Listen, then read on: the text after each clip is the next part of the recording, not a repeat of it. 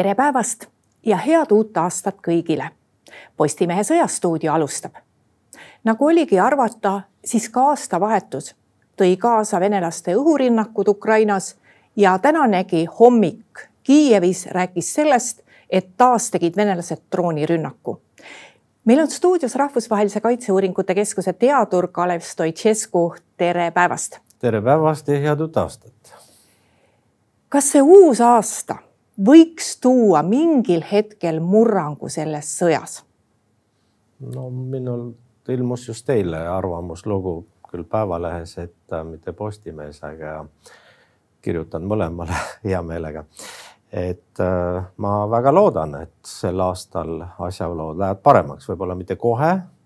see võtab aega, sest inertsi mõjul teatud asjad ei saa väga kiiresti pöördeid teha aga meil on väga head eeldused siiski selleks, on olemas pessimiste või pessimistlikumaid vaatlejaid ja inimesi, on olemas ka optimistlikumaid. jah, selle optimismiga peab ka olema selles mõttes ettevaatlik, et ei langeks illusioonide küüsi, tõsi küll. aga ma, kui optimism on põhjendatud siiski või selline ettevaatlik optimism, ütleme nii, siis ma arvan, et see on väga hea ja, ja mina jagan seda seisukohta, sest, sest me oleme näinud mitmeid asju, et Ukraina on väga tugev ja ta kaitseb ennast ja ta kaitseb ennast lõpuni. ma, meil ei ole alust arvata, et nad murduksid mingil hetkel ja ka Venemaal mitte ei ole sellist alust nii et äh, see riik näitas ennast väga heast ja tugevast küljest, küll aga mitte Venemaa. ja Venemaa loomulikult on suur riik, tal on ladudes olnud miljoneid tonne neid pomme ja rakette ja mida kõike, mida ta kasutabki järjest. aga see, kuidas Venemaa on tegelikult esinenud aasta kokkuvõttena, ütleme seni selles sõjas väga nõrgalt, ma ütleksin ja, ja see on neil totaalselt ebaõnnestunud nii et tegelikult Ukraina võitis selle sõja, ma ei tea, teisel, kolmandal, neljandal päeval, kuidas võtta, veebruari lõpus eelmisel aastal. sellepärast, et nad hakkasid vastu ja hakkasid vastu hästi, nii et venelastel ebaõnnestus see kõik. ja kui nad tõmbusid tagasi Kiievi alt pealinna võtmata, valitsust vahetamata, siis oli selge, et nad on kaotanud nüüd nad on lihtsalt meeleheitel, see kõik, mis on järgenud, see barbarism, see on või barbaarsus, vabandust, see, see, see on sellepärast, et Putin noh, tal ei mahu pähe ja, ja ka Putini rahvale, kes on tema toetajad, ütleme enamus vene rahvas, ei mahu pähe, et nad kaotaksid selle sõja. Ja see ongi sellepärast, nad tahavad asja viia nii kaugele, et see lõpeks kogu, kogu see õudne asi lõpeks nii, et nad saaksid kuidagigi viisi öelda, et nad on midagi võitnud et see oli asja eest. kas see aasta, mis just mõni päev tagasi läbi sai, oli lõpuks ka läänemaailmale selline lõplik Venemaa suhtes illusioonidest loobumise aasta? no ma tahaks loota, aga jällegi äh, nojah, me oleme näinud suuri muutusi, võtame kaks riiki, mis on väga märkimisväärsed Euroopas, Soome ja Saksamaa ja, ja mõlema puhul äh, on toimunud väga selge pööre, mis puudutab vaateid Venemaa suunal ja poliitikat ja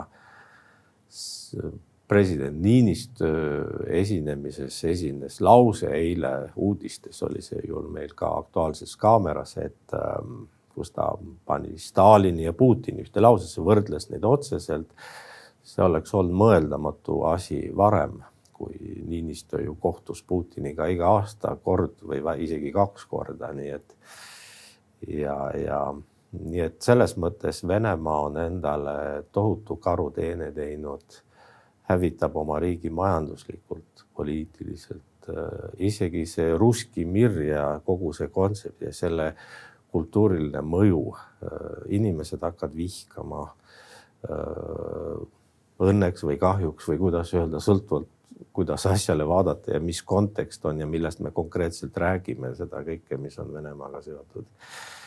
ja, ja noh, majanduslikud suhted läänega katkevad, tähendab see rida, see nimekiri nendest üliolulistest asjadest, millega on Putin oma riigile ja rahvale karuteene teinud, see, see on väga pikk ja iga punkt selles nimekirjas on ülioluline tegelikult.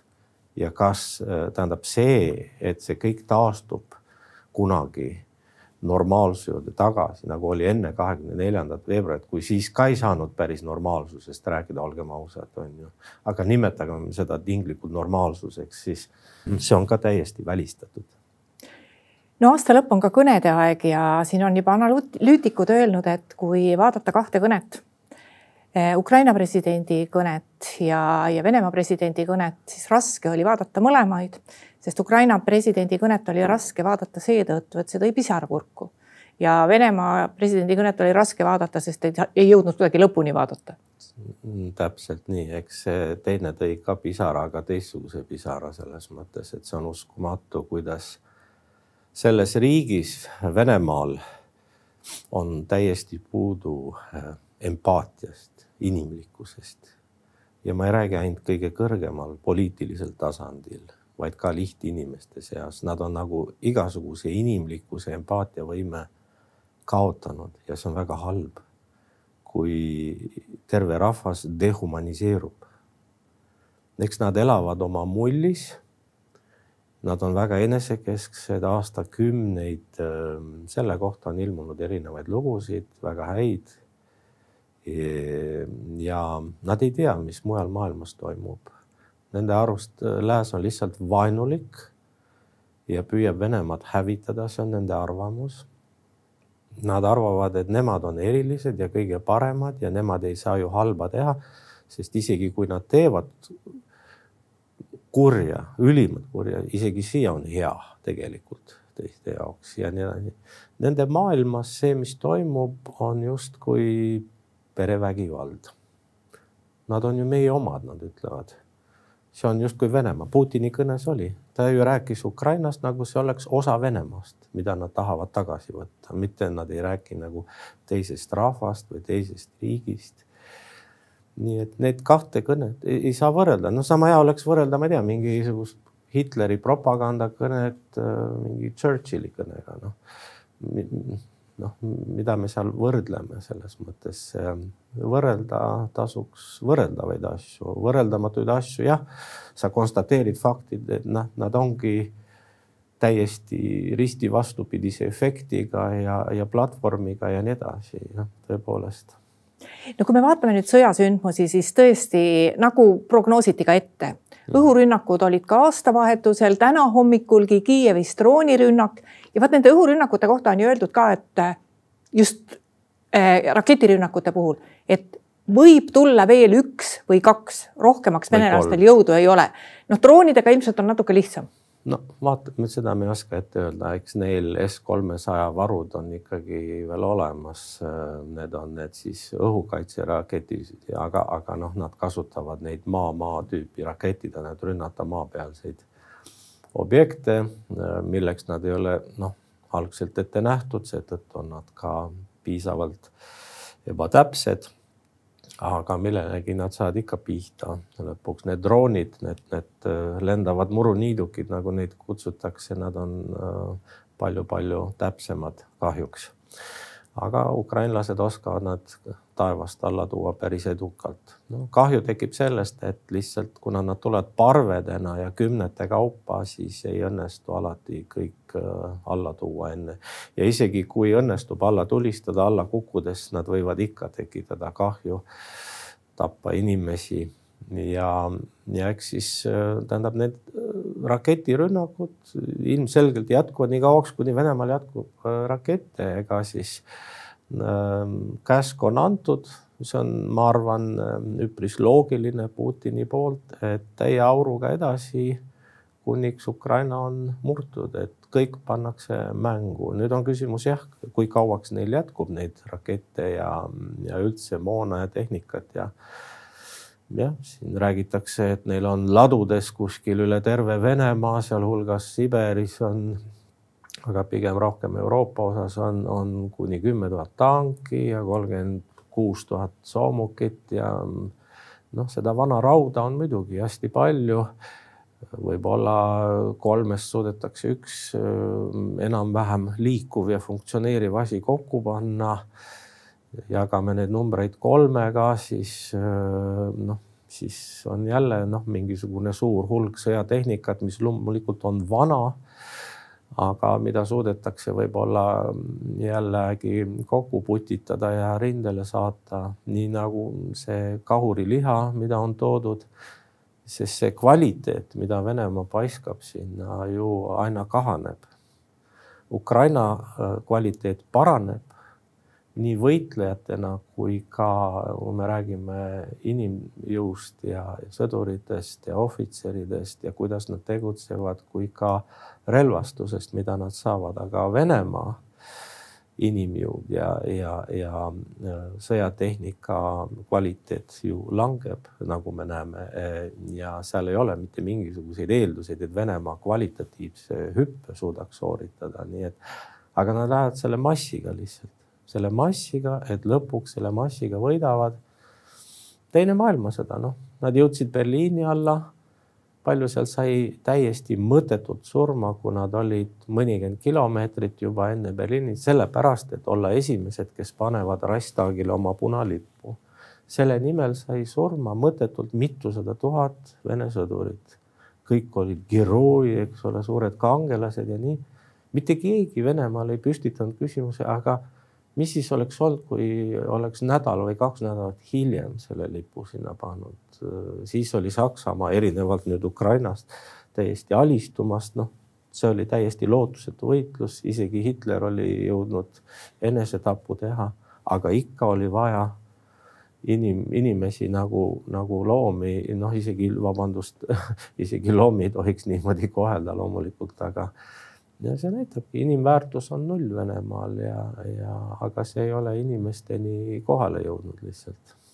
kas me võiksime hakata nüüd järjest rohkem nägema olukordi, kus venelastel on põhjust hädaldada, et on tehtud rünnak nende territooriumile, et siin täna hommikulgi tuli uudis selle kohta, et venelased väidavad, et Brjanski oblastisse toimus droonirünnak. no ma meenutan, et üsna palju oli juttu ka aasta lõpus, kui rünnati venelaste Engelsi lennujaama. no täpselt, selles mõttes Ukraina on iseseisvalt ilma lääne abita see on väga oluline aspekt, omandanud võime rünnata Venemaal asuvaid objekte, mis on täiesti legitiimsed seaduslikud sihtmärgid. sellepärast, et Venemaa kasutab neid Ukraina rahva tapmiseks, Ukraina hävitamiseks seesama Engelsi linnas olev ähm, strateegiliste pommitajate äh, õhuväebaas, noh, Brjanskis, piltlikult Pinskis, Minskis, Tomskis, äh, Minsk on Valgevene, vabandust, aga et äh, kus iganes need asuvad ja on nad selles mõttes legitiimsed sihtmärgid ja Ukraina teeb õigesti, et ta neid hävitab, sellepärast et need kaks õnnestunud rünnakut Engelsi õhuväebaasile, me võime lihtsalt mõelda, see on noh, spekuleerida, kuna kui palju inimelusid päästeti Ukrainas tänu sellele. et äh, võib-olla kaks rünnakut jäi toimumata vahepeal, nii et ja, ja mis see tähendab venelaste pahameel? Kas nad ei tea, mida nad ise teevad Ukrainas, kas nad tõesti arvavad, et kui nad läksid Ukrainale kallale, et kogu see õudus peabki toimuma Ukraina pinnal. miks see õudus ei peaks laienema Venemaale? ta ei laiene selles mõttes, et loomulikult Ukraina ei, ei käitu barbaarselt nagu Venemaa. ei hakka seal Belgorodis või Brjanskis või Voronežis või kus iganes inimesi tapma suvaliselt, nagu Venemaa teeb Ukrainas ta ründab ainult sõjalisi objekte ja õigesti teeb, sellepärast et kui nad äh, võtaksid üle Venemaa sõdimisstiili, siis ma arvan, et lääne toetus kukuks tagant ära. meie seda enam ei toetaks, aga ja nad teavad seda hästi, aga mitte ainult sellepärast nad ei tee seda, vaid sellepärast, et ukrainlased ongi rohkem meie moodi, ma arvan. Ja nad teevad seda vahet põhimõtteliselt, et nad ei ründa Nad ei ole kunagi öelnud, et nad ei ründa Venemaa territooriumi, nad lihtsalt ei, ei sõdi venelaste moodi. kui me vaatame nüüd seda rindejoont, mis mööda maismaad läheb, et äh, siin, siin ei ole nüüd äh, viimase kuu-paari jooksul olulisi nihkumisi olnud. kus te näete nagu kõige suurem võimalus, et kui üldse tekib kusagil mingi liikumine, kui, kus ukrainlastel võiks olla kõige rohkem võimalusi praegu? No venela, ütleme ukrainlased valmistuvad ilmselt äh, seda maismaasilda siin läbi lõikama. Melitopol on nende eesmärk, see on selge. see on kõige olulisem linn, kui neil õnnestuks Melitopol ära võtta suure operatsiooni käigus, aga see ei saa toimuma enne, ma ei tea, kolme-nelja kuud, ma pakun. Äh, siis on venelaste jaoks Krimm suures ohus kindlasti, sest äh, esiteks äh, noh, Krimmi varustamine ja hoidmine siit maismaasilla kaudu, see, see on läinud ja Kertši väina sild siin piirkonnas see on samuti äh, laskeulatuses ja, ja hävitatav äh, ukrainlaste poolt, nii et äh, see on kõige see, noh, loomulikult sõjategevus toimub ka Luganski oblastis.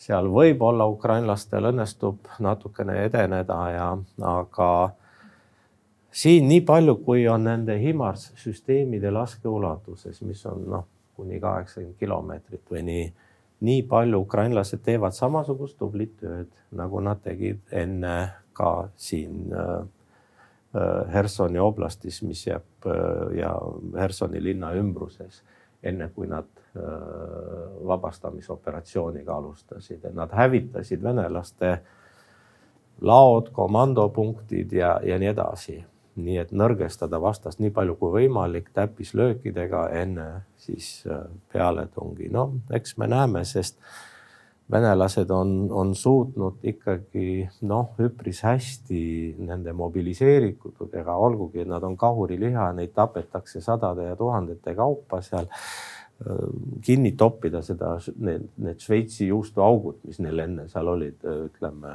nii, et ma, mina loodan kõige paremat ja jõudu ukrainlastele, aga venelased tahavad kindlasti meeleheitlikult kaitsta neid siin kaardil olevaid, neid roosasid, neid alasid. Et see oleks nagu alus ka rahuläbirääkimisteks, et Venemaa saaks territooriumid ja, ja siit me jõuamegi selle järgmise küsimuse juurde, et mida me ootame, on see, et nagu president Zelenskõi lubas, et ta tuleb välja Ähm, täiendatud ettepanekutega siis äh, ütleme täiemahulise sõja aastapäeva puhul, kahekümne neljandaks veebruariks kui me räägime ikkagi nende alade tagasivõtmisest, mis okupeeriti kahe tuhande neljateistkümnendal aastal, kas see võiks ikkagi olla pigem Krimm?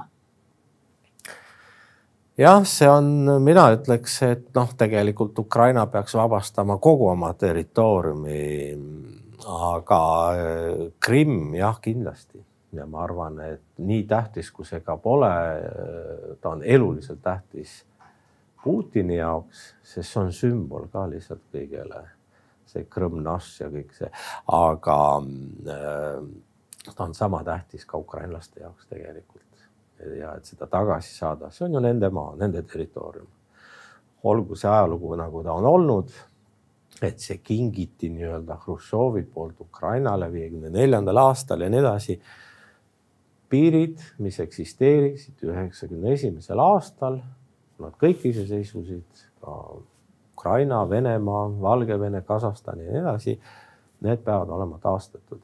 igasugune kokkulepe, igasugune kokkulepe, mille tagajärjel Ukraina ei ole enam nendes piirides ja Venemaa saab mis tahes tükikese Ukraina territooriumis ei ole vastavuses rahvusvahelise õigusega.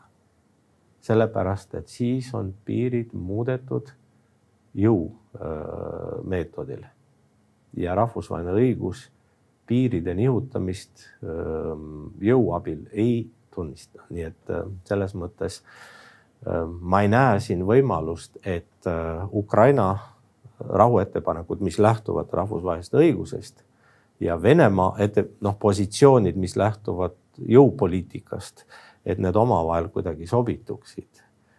Äh, ma ei näe, et need äh, positsioonid isegi kattuksid kasvõi ühes punktis. isegi kui oleks soov mõlemapoolne sõda lõpetada, aga siis äh, ja mis edasi saab, nad ei leia praktiliselt mitte üheski küsimuses kokkuvõttepunkti, vähemalt praeguse seisuga, nagu ma näen no selliseid väiksemaid liikumisi on, et täna hommikul oli ka meieni jõudnud uudis selle kohta, et juba viis päeva on elavnenud sõjategevus lõunas seal B kuuskümmend kuus maanteel, kus mõlemad pooled üritavad seda tagasi võtta ja see on see tee, mis nüüd ühendab äh, Krimnat Belgorodi oblastiga. et see, see võiks olla üks oluline etapp, kui ukrainlased selle sealt kätte saavad no oleks küll jah, jah, kõik sellised äh, transpordisõlmpunktid, maanteed, raudteed ja nii edasi, mida venelased kasutavad äh, logistilise toetuse jaoks, kõik need on üliolulised ukrainlaste jaoks, et nende kontrolli all oleksid ja, ja venelaste jaoks on see kindlasti suur-suur kaotus, nii et see maantee numbriga kuuskümmend kuus nagu Ameerikas on maagiline Route sixty six, et äh, see, see jah, ma usun, et seal toimuvad suured võitlused selle pärast. ja lõpetuseks veel. Me ei ole nüüd väga palju pilke heitnud sinna põhja poole, korra te näitasite just nimelt see Donetski oblasti kant, et äh, veel kolm-neli nädalat tagasi Äh, räägiti hästi palju sellest, aga seda on enne ka välja öeldud, et noh, et äh, üks käsk, mis on Vene armeel kogu aeg olemas, et tuleb venelastel jõuda selle Donetski oblasti administratiivpiirideni.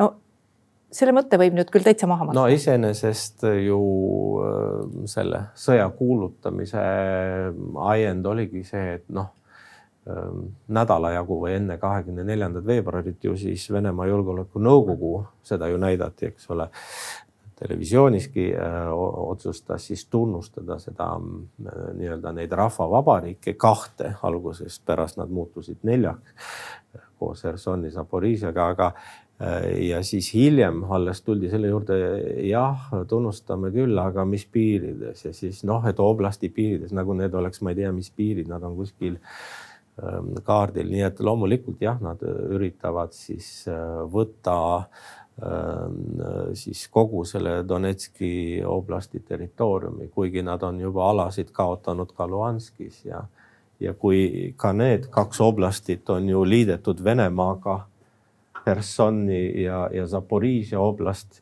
siis äh, noh, ühte oblasti keskust, Hersoni linna nad ju valdasid, enne kaotasid ära. Zaporižjani nad ei jõudnudki, et siin on jälle küsimus, et äh, Venemaa on liitnud endaga territooriumeid, mida noh, nad tegelikult ju ei halda lõpuni, et, et mis, mis, mis siis Venemaa piir on? vot see, see on natukene selline väga noh, hämmastav küsimus või, või kummastav, et, et Venemaal on ju väga kindlad piirid. Nende jaoks on kõik märgistatud, kus on piiripostid ja nii edasi alates Põhja-Norrast, Kirkenesist kuni ma ei tea, Kuriilideni välja, eks ole ja siis nüüd järsku Venemaa piir on ju kuskil kuni siiani, ütleme. see kõik on tähistatud ja märgistatud.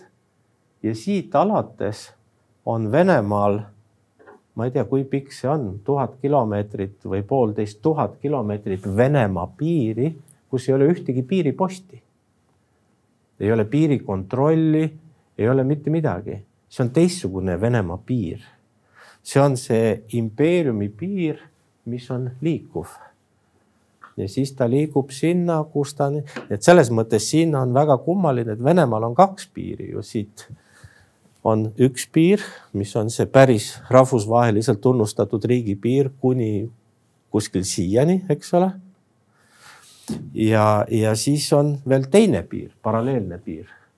Ja siis on see justkui ei kellegi maa, aga ikkagi Venemaa, mis on nende kahe piiri äh, vahele, nii et selles mõttes äh, seda piiride teemat võib arutada lõputult, et jah. aitäh, Kalev Stoicescu. ja aitäh ka kõigile neile, kes meid vaatasid. Postimehe järgmine otsesaade on eetris juba homme. seniks lugege uudiseid postimees.ee